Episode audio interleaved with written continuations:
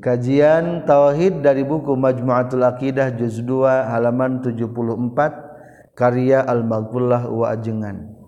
Membahas tentang alam kubur. Bismillahirrahmanirrahim. Fasal kalima belas alam kubur.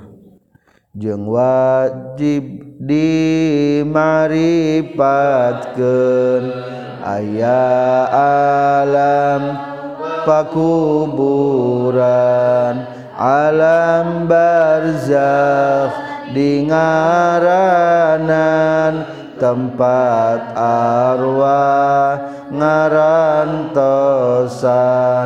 ngantos nu harirupkene geseep tangtos kiamah patamanan surga Allah atawajung karang jahanam. Termasuk akidah samiyah adalah alam kubur. Alam berarti suatu alam kubur pedah di kubur. Iya mah secara nama secara mayoritas. Kulantaran jalma teloba nama dikubur disebutkan be alam naon? Alam kubur. Dinamakan deui alam barzakh. Barzakh hartosna penghalang sekat yang memisahkan antara dunia dan akhirat. Alam kubur meskipun jalma ente dikubur tetap alam kubur akan mengalami. Atau alam barzah jalma anu jatuh tina kapal nepi ka ragrag di lautan atau ragrag di gunung dimakan ku binatang buas dimakan ku lauk-lauk KBG bakal mengalami alam kubur alam barzah semenjak datangnya kematian tidinya sudah mulai berpindah alam. Deket ke alam kubur. Deket jauh. Deket sebenarnya mah. Ti orang mana baik deket ke alam kubur mah. Datang baik. Malaikat Israel nyabut nyawa. Les langsung naon? Berganti alam ke alam kubur. Ketika jalma rek maut jalma panik. Saking paniknya tuh bisa lompat. Saking panik. Coba lah orang rek ditawa ke polisi mah masih kena boga cara otak ek lompat doy tapi ketika didatangi ke malaikat Israel mah panik. Tanaga geges eueuh cicing we dinya pasrah. Lamun anu sumpingna ka jalma anu soleh eta malaikat Israel beserta rombongan lain seorang tim eksekutor nanti. Berserta rombongan. Marakai baju bodas dengan wajah berseri-seri dan senyum. Bari mawa kain bodas. Dicabut. Nyabutna roh tibati jalmi anu. Soleh mah lir ibarat mahekeun cai tina teko. Cer curulung tereseep cai teh. itu keluar nafasna ruhna langsung diwadahanku kain putih dibawa ke langit. Eh, sana kailiin wangi luar biasa akhirnya disambut ku para malaikat anu ayah di langit. Itulah rohna orang yang soleh. Tapi lamun kajalma anu pasek atau jalma kafir nusumping teh adalah malaikat Israel beserta tim eksekutor dalam bentuk hara hidung dan disiapkan kain hidung jang wadah etaruh. Dicabut nyabut nalir ibarat nyabut besi tina bulu. Gering lamun orang tas di masjid domba sok loba bulu na ember. Cing coba pang nyabutkan besi tina bulu ulah kabawa bulu na. Atau di pautan hiji-hiji dah bisi kabawa naona bulu nah hesenya maut nate. Dalam artian nyeri na luar biasa. Barang keluar bau na bangke luar biasa. Dibawa ka langit di langit bau territarimaku malaikat penduduk langit. Akhirnya dibalik Kende kehandap dicanda kasih jin dihandap wamajin tadi tarima keilian bauna luar biasa rohna orang kafir. Ditempatkan di kubur cekas ngadengin hirup teh. Menurut hadis Bukhari cekas. Pak korosakna numarapah di jero kubur teh naon? Kara karawas senang nah kita Bukhari. Sabar alengkah disumpingan ku malaikat munkar nakir. Tujuh lengkah dikantunkeun ku malaikat ku jalma anu ngajabkeun kenapa kuburan? Tidinya mulai kasumpingan malaikat munkar nakir. Alam barzah di ngaranan tempat arwah ngarantosan. Ngantos nu hari rup kene geseep tang tos kiamat cicing di alam barjah nyalam kubur tet alam penantian. Lamun jalma anu soleh mah jalma anu soleh eta dinding kubur jadi jandela blak. Kaditu ka surga katingali. Matak sok aya mudah-mudahan ditempatkan dari taman-taman sur surga. Raudhatun min riyadil jannah. Kubur anu sakit cek orang mah sempit ukuran 50 ka 2 meter sempit. Jang ahli kubur ma anu bagja jadi 70 hasta. Lega 70 meteran. Lega. Imah gedong sigrong betah kene di ditu. Jang naon jang nu saleh. Betah kene di ditu. Alim kadieu deui teh alim. Mending di ditu ae. Tapi kumaha lamun jang jalma anu tukang maksiat? Patamanan surga Allah atawa jungkran jahanam. Barang dibukakeun teh jendela kubur wer ngalentab sunu neraka. Ternyata eta jendelana ngajadikeun lawang menuju neraka jahanam. Disebutna hufratun min hufarin niron. Lembah-lembah daripada lembah-lembah neraka Uh, arti nanya ke waktu hari tamah kajaba amal so soleh. Maka sahur dina hadis tilu anu nganterkeun jalma ke alam kubur hiji keluargana. Kadua hartana. Katilu amalna. Ngan nu dua mah baralik deui anu hiji mah marengan di kubur. Hiji saha nu ngajajap ka kubur teh? keluargana salakina istrina anak-anakna. Marilu ngan nepi kana liang kubur wungkul. Geus kitu mah baralik deui. Nu gaduh mobil kadang-kadang mobilna milu ngajajabkeun kana pakuburan. Ngan baralik deui. Nu ngabarengan masa wungkul. Amal wungkul. Mata kurang kedasing seueur amal. aya opat anu ngarampok ga manusia. Yastakbilu ibna adama arba'u nahabatin. Aya empat perampok anu bakal menghadap ke anak Adam. Kahiji yantahibu malakul mauti ruhah. Malaikat maut ngarampok ruhna anak Adam. Kedua wayantahibul warosah malahu. ahli waris ngarampok hartana anak Adam. Katilu wayan tahibud dudu jasmahu. Bilatung ngarampok kana jasadna ibnu Adam. Wayan tahibul khusoma'u amalahu. Para musuh-musuh ngarampok kana amal anak Adam. Ayat sabaran ngarampok? Kaopat hiji malaikat maut. Ari perampok mah tara bebe jahela bari maksa terang-terangan. Kahiji malaikat maut rek nyandak ruhna inak adam. Teu bisa engke heula. Iza jaa ajaluhum la yastakhiruna sa'atan wa la yastaqdimun. Teu bisa engke antosan moal tiasa. Kadua sahadin marampok wayantahibul warasah malahu. ahli waris.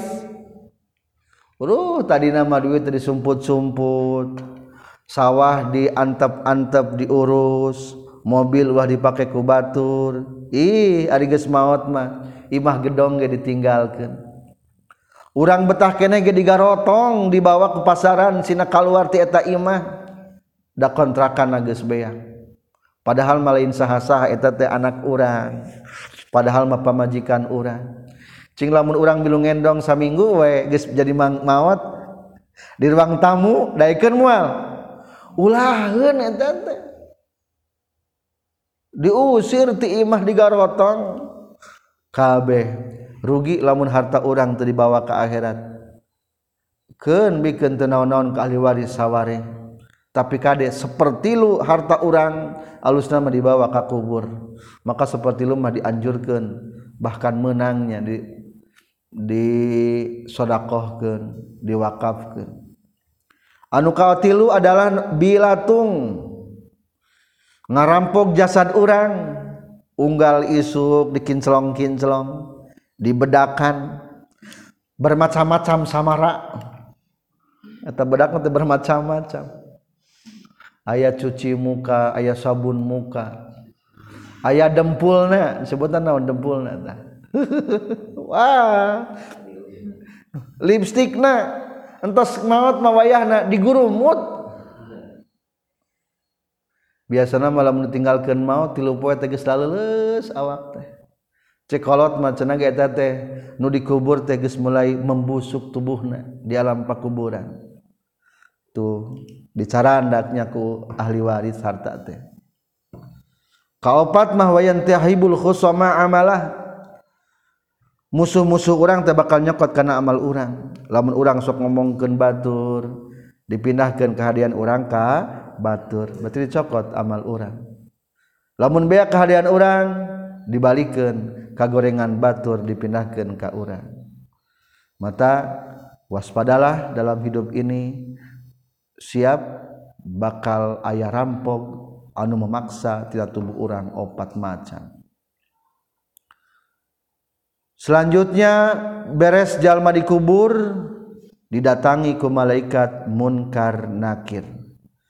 Jeung wajib di maripatkeun munkar nakir patakonan pananya anu daratan daratan ka pakuburan rupana nabi kasieun sorana teh tarik pisan.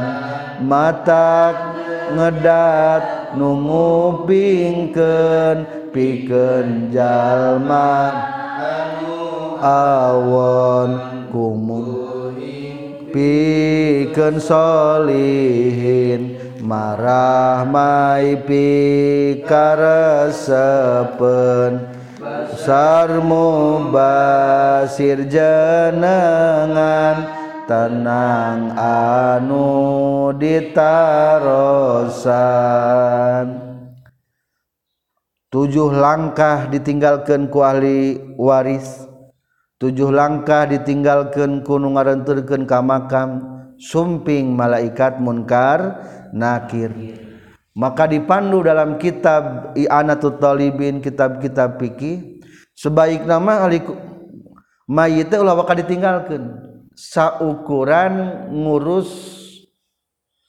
kurban. Hari kurban dipencit ditek-tekan dagingnya dibagikan seberapa menit kira-kira beresna. sakit sajaman. Ulah waka dikantunkan sajaman mah babacaan hela bacakan istighfar bacakan doa bacakan ayat Al-Qur'an kirimkan. Dan jangan lupa membacakan doa. Lamun maca Quran dibacakan doa doa. Ai doa mah sepakat para ulama nyampe ka mayit teh. Adapun Quran mah ikhtilafnya. Dina kitab fikih maka bacakan Quran juga doa. ta lamun tos kitu malaikat munkar nakir.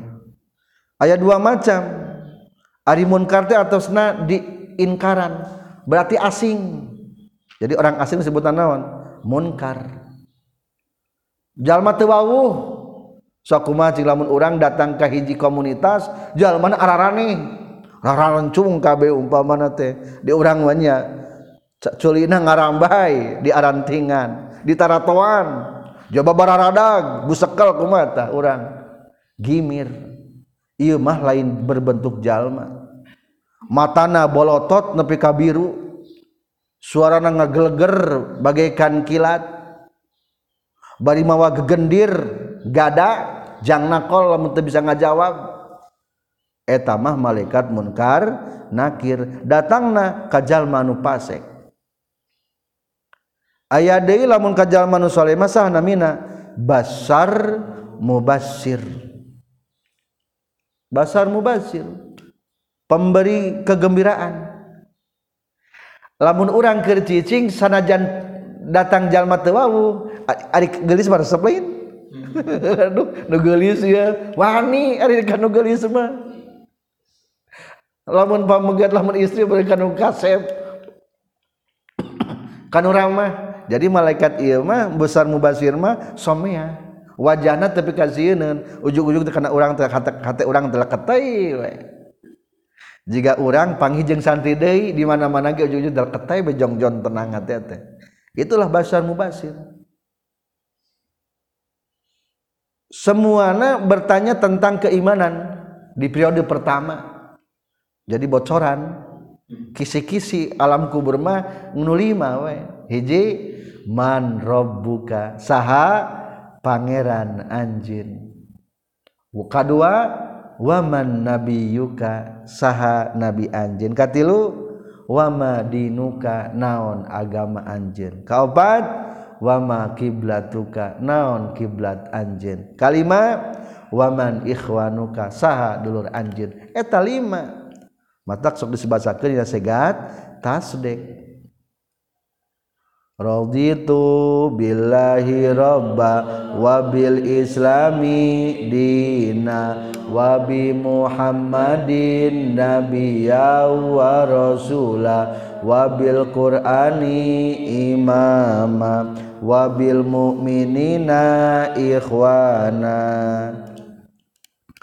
Malaikat munkar nakir mah keur mah asing wajahna ararani pika keungeun bari cara komunikasi pun galak.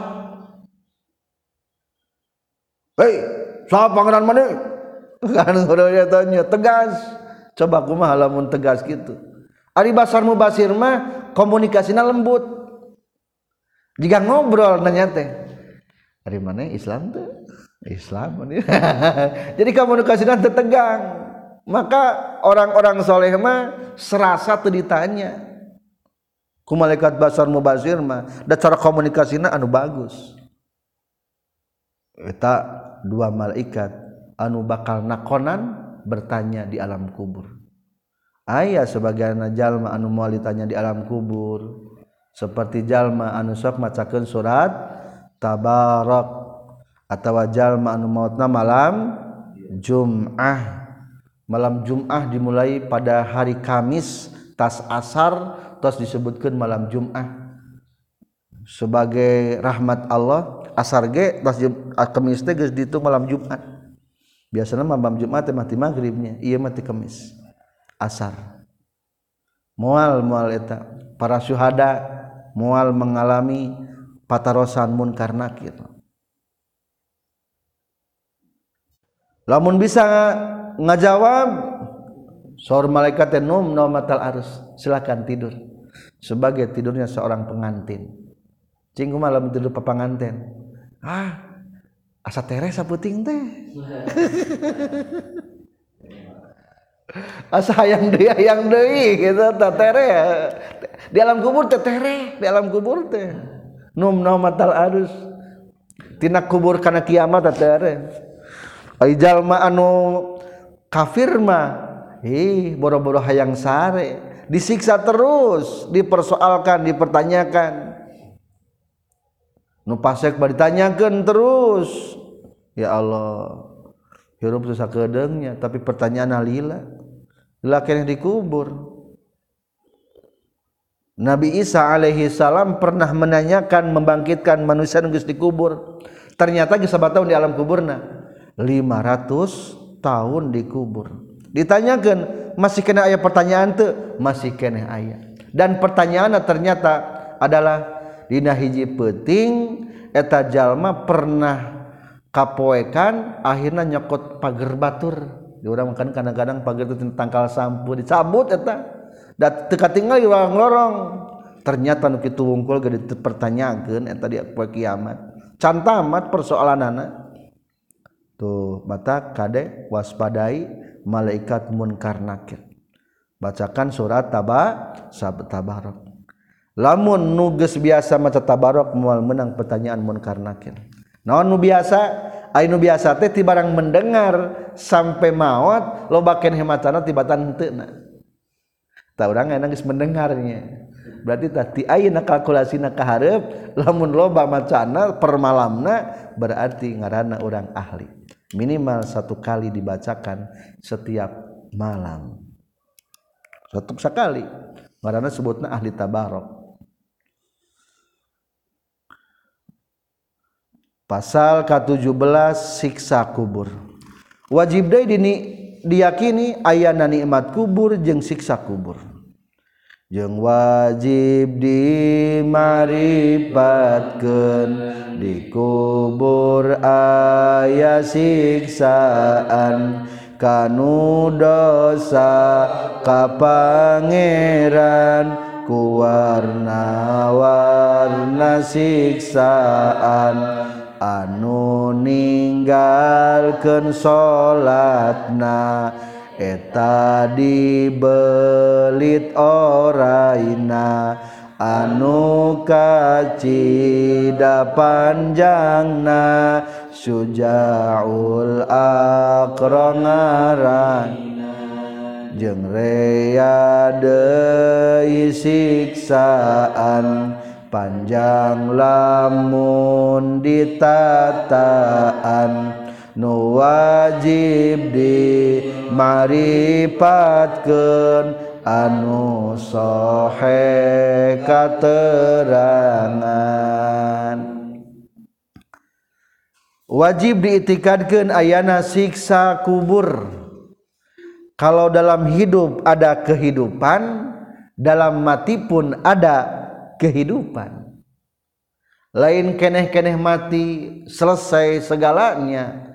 Ada kematian mati geus bareres dibrik sadayana ternyata dalam kematian itu ada kehi kehidupan. Dalam artian menurut kitab Ihya Ulumuddin barang begitu jalma ditinggalkan kanu kuno harirup tujuh langkah. Dibalikin dari rohna. Hirup deui di rohna teh ternyata. Maka menurut informasi para penggali kubur posisi jalma anuker berbaring di kubur teh ternyata barang digali teh. Nu masih kene kepalana belah kaler. Suku nama pai ayah di belah kidul ayah ayah nu ngagunuk. Coba lah nu ngagunuk eta sah nu ngagunuk kenana eta. Huluna didinya lengena didinya sukuna didinya bujurna didinya. Ada kemungkinan berarti itu teku mata wallahu alamnya. Mungkin jadi cinukul jalma kubur teh. Da eta teh lega. Jika orang keur we. Pernah teh orang merasakan sempit keur tidur. Hmm, Henteu baheula mah keur dikobong hese sare teh. Kalah saya luhureun lomari. Bersama dan mahi betah we sare teh serasa lega padahal mah ngan saawak lamun ngageser be geus pak geus kajungkal tetep dahal mah. Ih da serasa lega. Alam kubur ge kitu serasana lega. Tah pikeun jalma nu ahli maksiat bakal menang siksaan. Naon siksaan anak lamun utara salat bakal dicocrokan ku orai syujaul aqra. Sempat kerjaman sahabat zaman Rasul nembongan sejakul Akro ayah hiji jalma anu maut dibawa ke masjid disalatkan ku gurubugan ratleng para sahabat ayah naonan ieu dua gurubug mayit? Ternyata eta jalma keur dibelitan ku orai badag ukur nyocrokan sirahna. Atau langsung para sahabat ngat lompat neangan panenggel. Eta orai bisa ngomong aneh kunaon kuring nu ditenggelna lain ieu mayit nu ku ditenggelna Ari kuring manyoksrokan ieu mayit teh soalna diperintahkeun ku Allah Subhanahu wa taala. Sedangkeun ari jalma teu taat ka Allah taala. Naon dosana eta jalma? Dosana eta jalma tara datang ka masjid berjamaah. Bahasa baksi kitu. Naon deui? Tara ngupingkeun nasihat ula ulama. Tuh dibelit ku orang sujaul akra. Atanasna hartosana naon? Suja teh berani lincah oraina akro tandukan. Ketat cekrokan deui mangkani nggak didages maut. Ada geus maut bawa kematian deui hirup deui enggeus ya Allah ripuh natah di naudzubillah pikeun jalma anu menang bencana orang sujaul akra. Poek nila kubur teh poek. pigenjal manu menang siksaan cek tadi ge jendela-jendela kubur teh ngajadikeun tempat-tempat naon brai teh katingali neraka sempitna luar biasa. Poekna luar biasa. Panasna luar biasa. Jengrea deui siksaan panjang lamun ditataan. anu wajib dimaripatkan anushohe katerangan. Setiap informasi tentang alam kubur anushohe kurang kudu diitikadkan matsur seur macam-macam nanya tentang macam-macam siksaan kubur. Pasal ke-18 nikmat kubur. Jeung wajib dimaripatkan ayah nikmat pakuburan warna-warni kanikmatan ku ngitung amal-amalan caang padang dikuburna lega jembarna tempatna patamanan ti surgana pikeun jalma nu solehna Aya deui nikmat kubur, nikmat kubur mah barang berah ka kubur teh. Ternyata kuburna jadi ngalegaan 70 hasta. Lega di kubur teh. Wararangi wangina wangi ku bunga-bunga alami seger. di mananya di orang mah geus langka bunga alami teh. Kapungkur mah lamun tas aya panganten teh wangi daku melati sadaya bunga na ari aya nama variasi ke pengantin teh ku bunga-bunga plastik. Wangi seger suasana teh. Pernah orang ke taman bunga wangi kaangse sengit na eta di alam kubur sengi. Lain aroma-aroma buatan. parfum parfum ditempel gini. Ceret ceret lain eta. Eta mah buatan eta ieu mah wangi. Ku bunga-bunga asli. Caang lampuna ge caang. Caangna eta kuburan teh kumaha sering maca Quran. Temana adalah nu kararasep. Quran Quran sok dibaca bakal ngajadikeun bentuk wujud-wujud. nunggu baturan di alam kubur juga manusia. Oh ayah kang bakoroh gini. Sabara orang kang bakoroh gelobaan iya kang nisa iya iya kang ali imron. Iya surat maryam surat al kahfi Uh, pokoknya mah setiap surat dina Al-Quran etak ngajadikan berwujud sebagai teman-teman di alam kubur. Cek ah, mayit teh, duh reg-reg alhamdulillah geuning loba batur di dia teh. Betah keneh di dieu abdi mah cenah Allah tanya jang jalma anu so soleh. Dibukakan ke jendela kubur brak. Ih dah itu taman surga bidadari bidadari Allah. Itulah nikmat-nikmat dikubur terehnya sekedap Dewi orang tuh ya Allah mudah-mudahan dihapun dan sadaya dosa 100 tahun Dewi lah insya Allah. 100 tahun Dewi jadi kesimpulan satu itikadkan ayatna kubur. Dua itikadkan adanya pertanyaan munkar nakir. Katilu itikadkan ayana siksa kubur. Kaopat itikadkan ayana nikmat kubur. Lamun diitikadkan sah imana. Tadi itikadkan hukumna kafir tesah imana. Subhanakallahumma bihamdika asyhadu alla ilaha illa anta astaghfiruka wa atubu ilaik.